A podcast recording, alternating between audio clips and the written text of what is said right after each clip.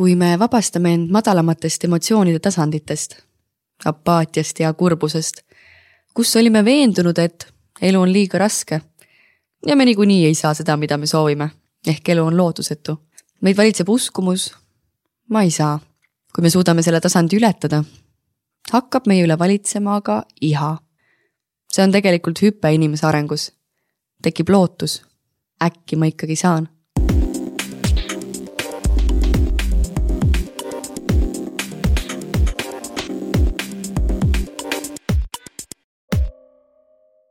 tere tulemast tagasi, head Hoomika podcasti kuulajad. meie oleme Michelle ja Annika ning peale väikest pausi oleme jõudnud tagasi uue episoodiga. tänaseks teemaks on iha. ning nagu eelnevalt sissejuhatuses mainitud, on see küll ühelt poolt level up inimese arengus, aga teisalt on sellel tasandil ka omad ohud. iha tasandil me tunneme teravalt, et midagi on kogu aeg puudu me tahame seda saada ja seda, mis on puudu ja seda on palju. ja isegi kui me saame midagi, siis iga saamisega ärkab alati uus soov. ehk meie e, iha tasandil meie selline elukogemus on täitumatus, krooniline täitumatus. ehk me oleme alati näljased, alati puuduses, alati nagu millegi jahil. ja paraku läbi selle neetud rahulolematusesse sest iha tasandil ei olegi rahulolu võimalik. iha on täitumuse vastand ehk siis täitumatus ja tihti väga valuline täitumatus. ja läbi selle iha orjastab. iha varieerub kergest soovist kuni sellise talumatu kinnisideeni, et ma pean, ma lihtsalt pean kedagi midagi saama või omama selline tunne, et ma nagu suren ära, kui ma ei saa midagi. ja ihal on tuhat palet ta väljendub ahnuse, nälja, kadeduse, armukadeduse, sõltuvuste, teiste küljes rippumistena, hoolimatusena, mingite asjade nagu ebaproportsionaalse kogumisena, igasugused liialdused, üliambitsioonikus, kontrollivajadus, glamuuri, ekstravagantsuse järgi vajadus, kõik see on iha. ja nagu alguses öeldud, seda, mida iganes siis, seda pole kunagi piisavalt. alati on kas vähe või see, mis on, siis, või see ei ole päris see, mida ma tegelikult tahan. iha mõju all me kaotame oma vabaduse. kui me laseme ihal võimust võtta, siis ta hakkab meid juhtima. ehk me endale aru andmata muutume selle jõuorjadeks. ja paraku enamus inimesi on sellisel viisil täiesti pimedalt juhitud. iha mõju on nii võimas, et inimesed vahel kaotavad kogu oma elu sellele inimese arengu põhiprintsiip on järjest suurenev vabadus. ja on tohutu vahe, kas me teadlikult valime midagi korda saata või laseme ennast pimedalt juhtida nende alateadvuse programmide poolt. et seda juhtuks, on vaja saada hästi suur selgus selle jõu olemusest ja toimest. peamine segaduse allikas on arvamus, et ainus võimalus midagi saada on seda ihaldada. et kui ma lasen ihast lahti siis ma ju ei saa seda kunagi. tegelikkus on täpselt vastupidine. iha, eriti selle tugev, selline obsessiivne vorm just blokeerib võimaluse saada, mida me soovime. miks on nii? see näiline paradoks muutub lihtsasti mõistetavaks, kui inimene saab teada oma asetusest, nagu looduse hierarhias. nimelt on inimene loodud valitsema ja seda sõna otseses mõttes ehk valitsema kõige üle oma mõtete, tunnete, keha, aga eelkõige oma tähelepanu fookuse üle. ja viis, kuidas kõige kergemini midagi saada oma ellu, tuleb tegelikult ainult sellest, et sul on võimekus seda valida, lihtsalt valida. inimesed, asjad ja võimalused tulevad meie ellu alati taotluse kaudu. ehk kui me lihtsalt teeme sellise otsuse. miks siis iha on takistus? sest iha tähendab sõna-sõnalt, mul ei ole seda. ehk kui me mõtleme või ütleme, et tahame midagi, siis sellega me ütleme samas, et meil ju ei ole seda. ja siis me tunneme puuduse tunnet, mis omakorda loob psüühilise distantsi meie ja selle vahele, mida me tahame. ja see distants omakorda hakkab looma ärevust ja hirmu. et äkki ma ei saagi seda kunagi, äkki ma ei ole seda väärt. ja ongi plokk. ja see plokk hakkab kurnama meie energiat. seega millegi tahtmine blokeerib selle saamist. see on hästi oluline seda mõista. ta pinnapealselt tundub nagu paradoks. tegelikult on hästi loogiline.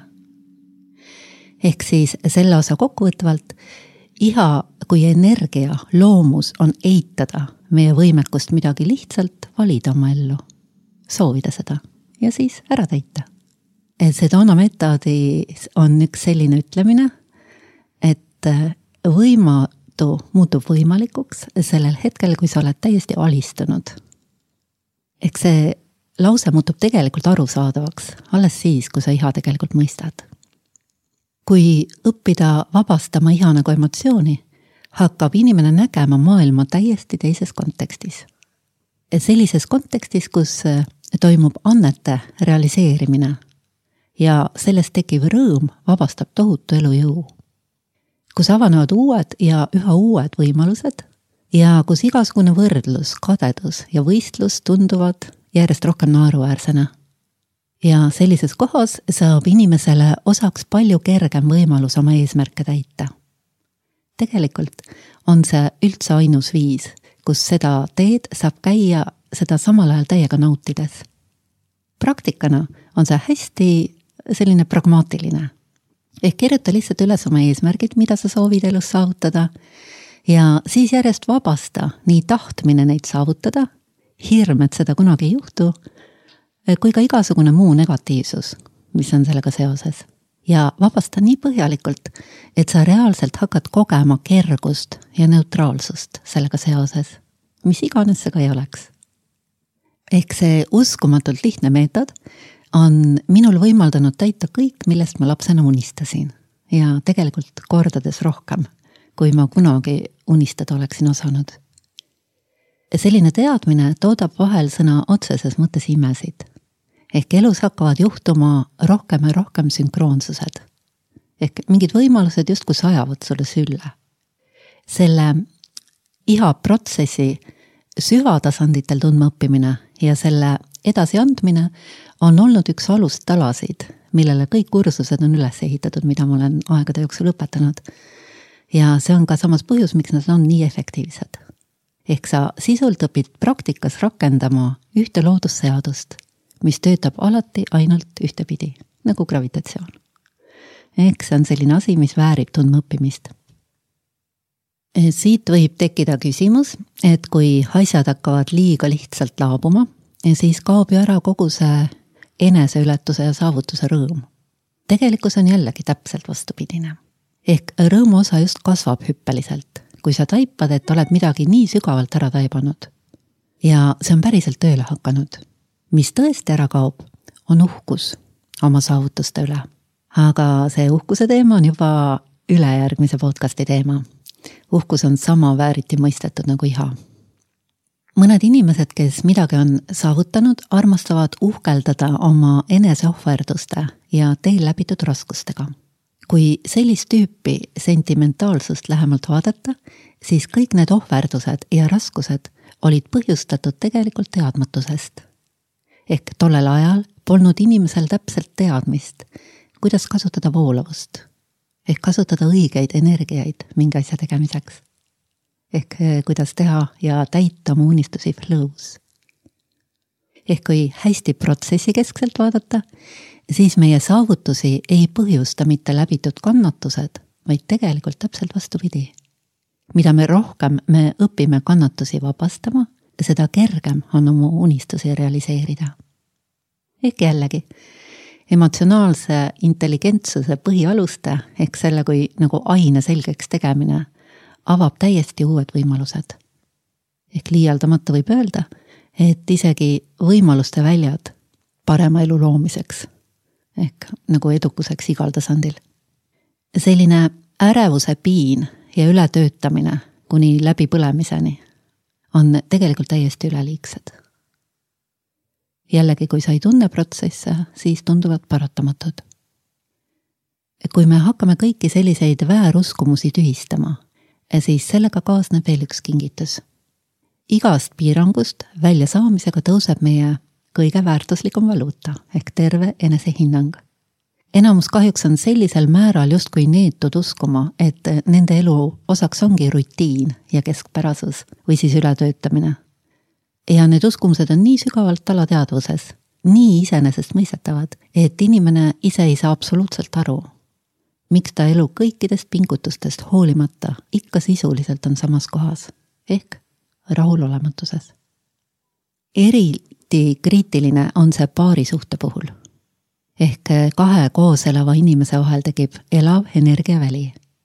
ja kogu suhte kvaliteet sõltub tegelikult ainult selle välja kvaliteedist ei ole nii, et mida jõulisemalt negatiivne ma olen, et teisele selgeks teha, et minul on õigus ja et siis tema et siis me oleme nagu happy ever after. kui tema teeb nii, nagu mina tahan või muutub selliseks, nagu mina tahan. ehk kuidas luua ja hoida paarisuhet, mis aastatega liiguks kasvava rõõmu ja rahulolu suunas. suhe, mis oleks päriselt toitev, see on omaette teadus. mõnus paarisuhe annab ellu sellise turvatunde ja stabiilsuse, vabastab sellise elujõu, mis võimaldab täiel rinnal hakata sul maailmas tegema seda, mida sa päriselt armastad ja igasugune mittetoimivus ja destruktiivsus lähisuhetes on tohutult kulukas. ka inimese elu kõikidele teistele osadele. sellele, ma arvan, võivad kõik alla kirjutada. ihal kui nähtusel on tegelikult mitu mõõdet vastavalt inimese arengule. me ihaldame sisuliselt kolme tüüpi asju. Oma tee alguses me tahame omada ehk asjadel on eelkõige staatuse väärtus ja me ise hindame inimesi ka tihti asjade järgi. elu edenedes me küllastume asjadest ja hakkame hindama nii teisi kui ennast pigem selle järgi, mida inimesed teevad või mida me ise teeme.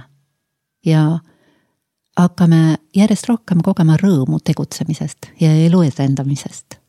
Kuna elu armastab üle kõige ellu panustamist, siis sellel tasandil avastame end üleskäiguspiraalist. Ehk mida rohkem me edendame, seda rohkem võimalusi meile tuleb seda teha. Ja seda järjest kõrgemal tasemel. ja kui me selle läbi tõuseme nagu nii majanduslikult kui siis sotsiaalses hierarhias, me puutume kokku teiste tegijatega, saame tohutult juurde ressursse ja võimalusi. Ja mingil hetkel taipame, et meie isiklikuks heaoluks on ammu kõik olemas. ja siis me hakkame üha rohkem tegema teiste inimeste nagu nimel või pärast ja siis me omakorda võime taibata, et selliselt jätkates saavad kõik isiklikud vajadused automaatselt täidetud ja jääb ülegi. ja selliselt kasvades, nagu naturaalselt elust endast õppides, me hakkame lähenema universaalsele headuse ja armastuse tasandile. Ehk järjest tihedamini hakkame kogema selliseid puhtaid õnneseisundeid ja baasseisundiks saab kindlus ja rahulolu, mis madalamatel tasanditel on paratamatult äh, täpselt vastupidi, ehk me madalamatel tasanditel elame rahulolematuses ja ärevuses. eks siis alles lõpeb inimesel selline lapsik endale kahmamise arengufaas nagu infantiilne faas.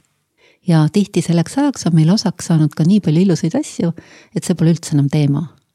ja asjad saavad tagasi oma algse tähenduse, ehk nad on kasutamiseks, mitte staatuse sümboliteks kui inimene muutub veel küpsemaks, hakkab ta hindama teistes ainult üht, inimese kui isiksuse kvaliteeti. eks see on selline aeg inimese elus, kus ta ei pea endale enam midagi tõestama. ja sellel tasemel me radikaalselt juurime välja kogu nõrkuse, kogu vale enda isiksusest.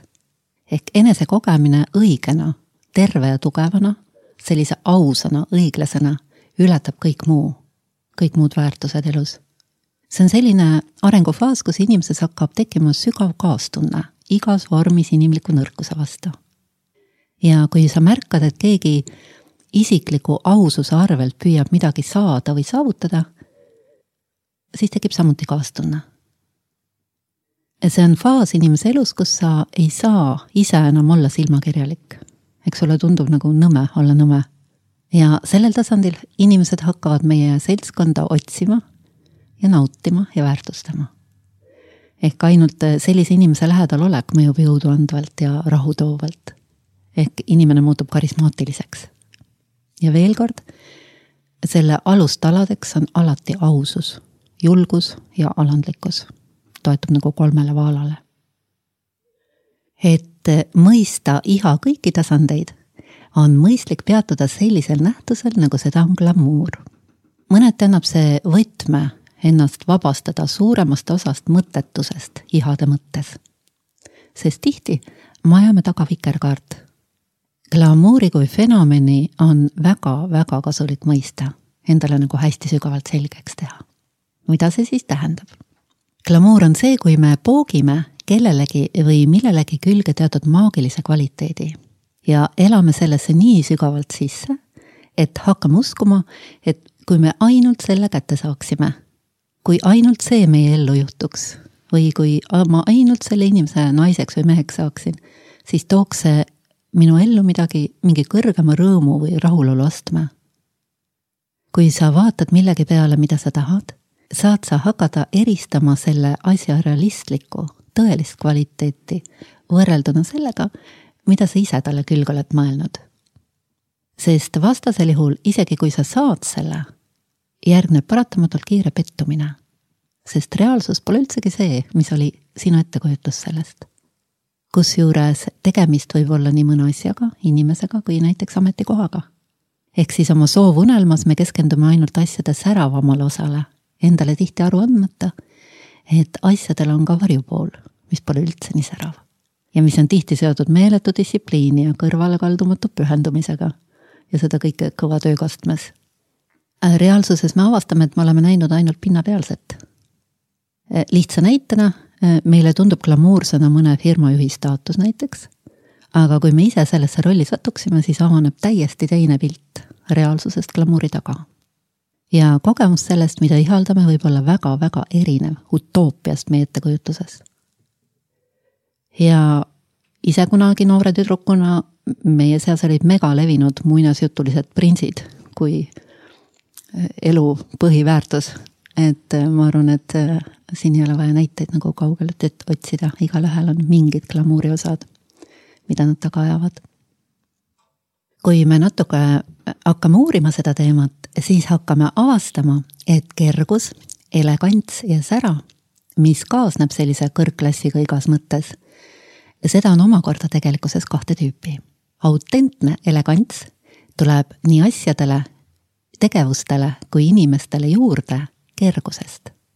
ehk kui keegi on jõudnud oma alal sellise meisterlikkuseni, et on kadunud kõik üleliigne.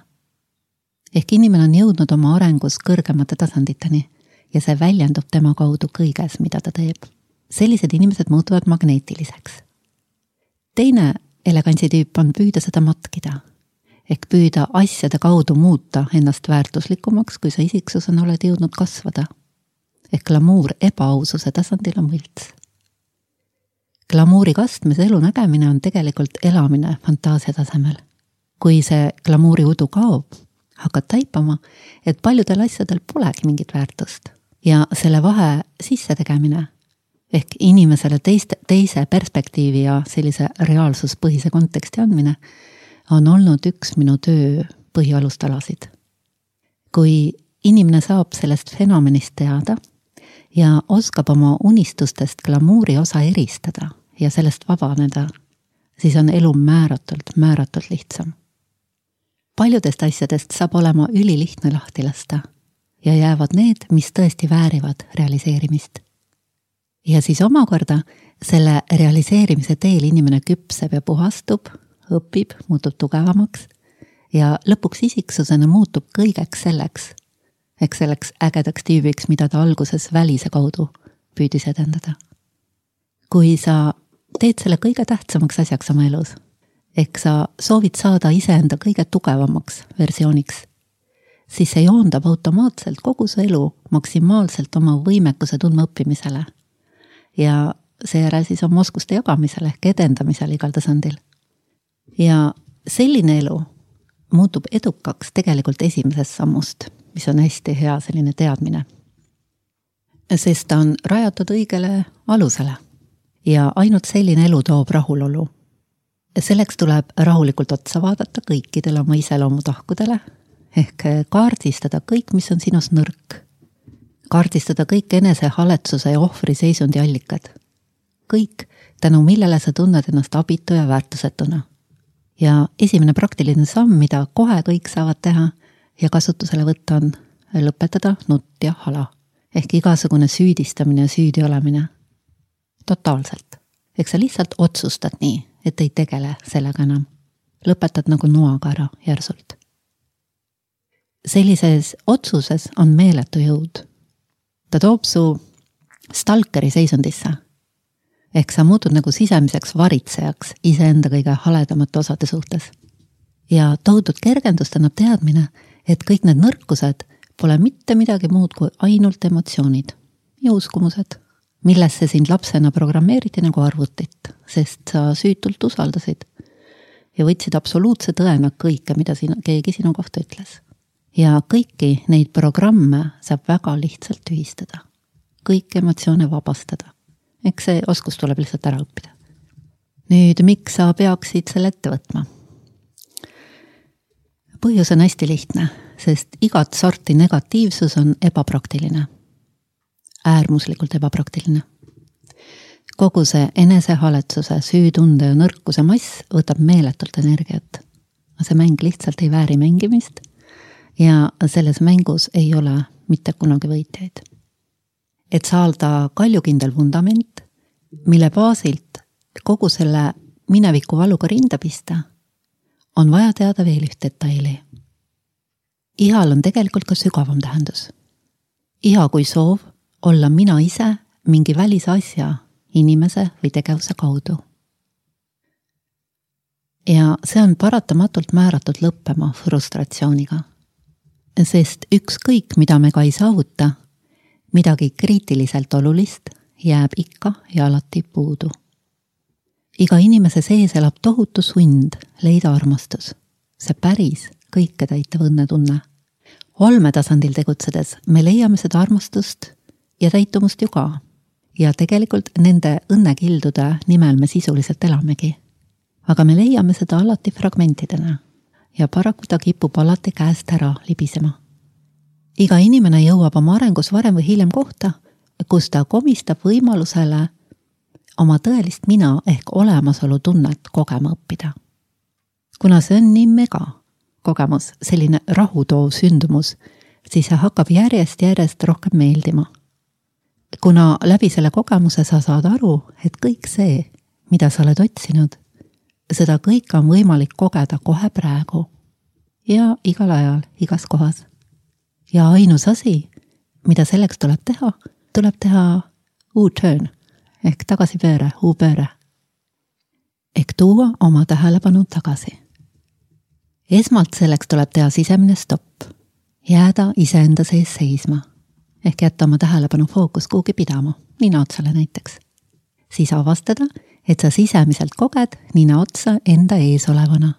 eks sa selgelt tunned, et sinu ja selle koha vahel on vahemaa ehk distants.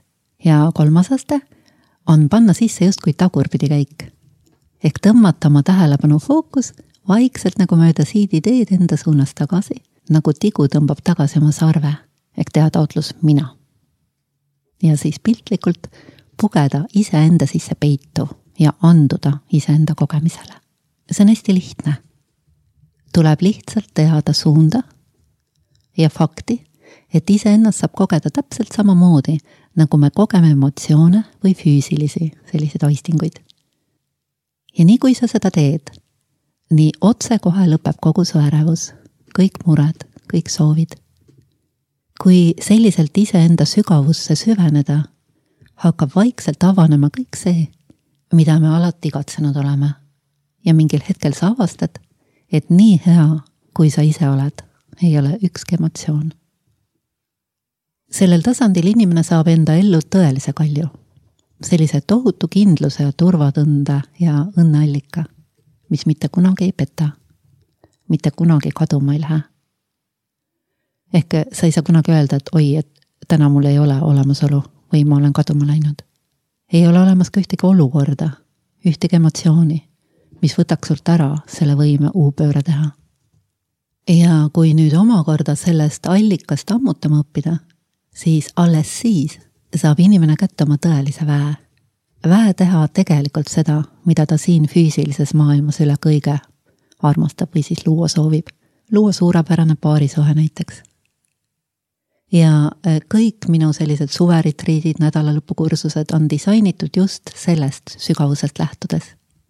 sest siin omakorda on tohutult detaile, kuidas omakorda mitte lõksudesse sattuda ja tõesti realiseerida see mida sa praegu oma ihadeks või sellisteks ulmelisteks unistusteks nimetad.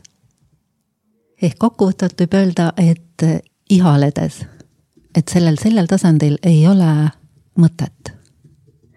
Mõistlik on iha nähtusena hästi sügavalt tundma õppida ja ta enda kasuks tööle panna. no siis on nagu pointi. aga suur aitäh, Annika oli taaskord väga informatiivne ja väga kõnetav kogu see temaatika.